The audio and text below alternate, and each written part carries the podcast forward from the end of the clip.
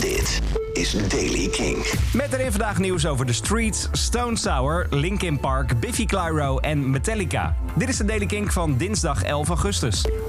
Er is een nieuwe datum voor Kink Presents Biffy Clyro. De show stond eerder gepland voor november dit jaar. Nu is bekend geworden dat ze terugkomen op 22 oktober 2021. Kaarten daarvoor gaan in de verkoop op vrijdag 4 september en reken er maar op dat je ze ook hier bij King kunt winnen. Er komt een The Streets Festival in Amsterdam. Mike Skinner en co. nemen in het weekend van 30 april tot en met 1 mei de stad over.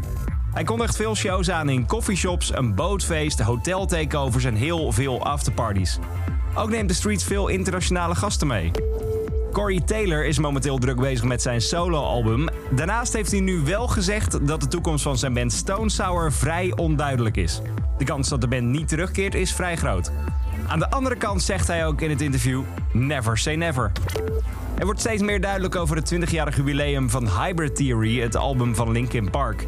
Er is een nieuwe merchandise-lijn gebaseerd op dat album. Er zijn petjes, shirts en hoodies rondom de track One Step Closer. Metallica heeft de eerste show voor 2020 aangekondigd. Het zal een one-night-only concert worden dat ze gaan opnemen en dat wordt gestreamd in verschillende drive-in theaters in Noord-Amerika. En dat zal zijn op 29 augustus. Of de show ook hier in Nederland te zien zal zijn, dat is nog niet bekend. Tot zover deze editie van de Daily Kink. Dagelijks een nieuwe podcast via je favoriete platform. Elke dag het laatste muzieknieuws en de belangrijkste releases in de Daily King. Check hem op kink.nl of vraag om Daily King aan je smart speaker.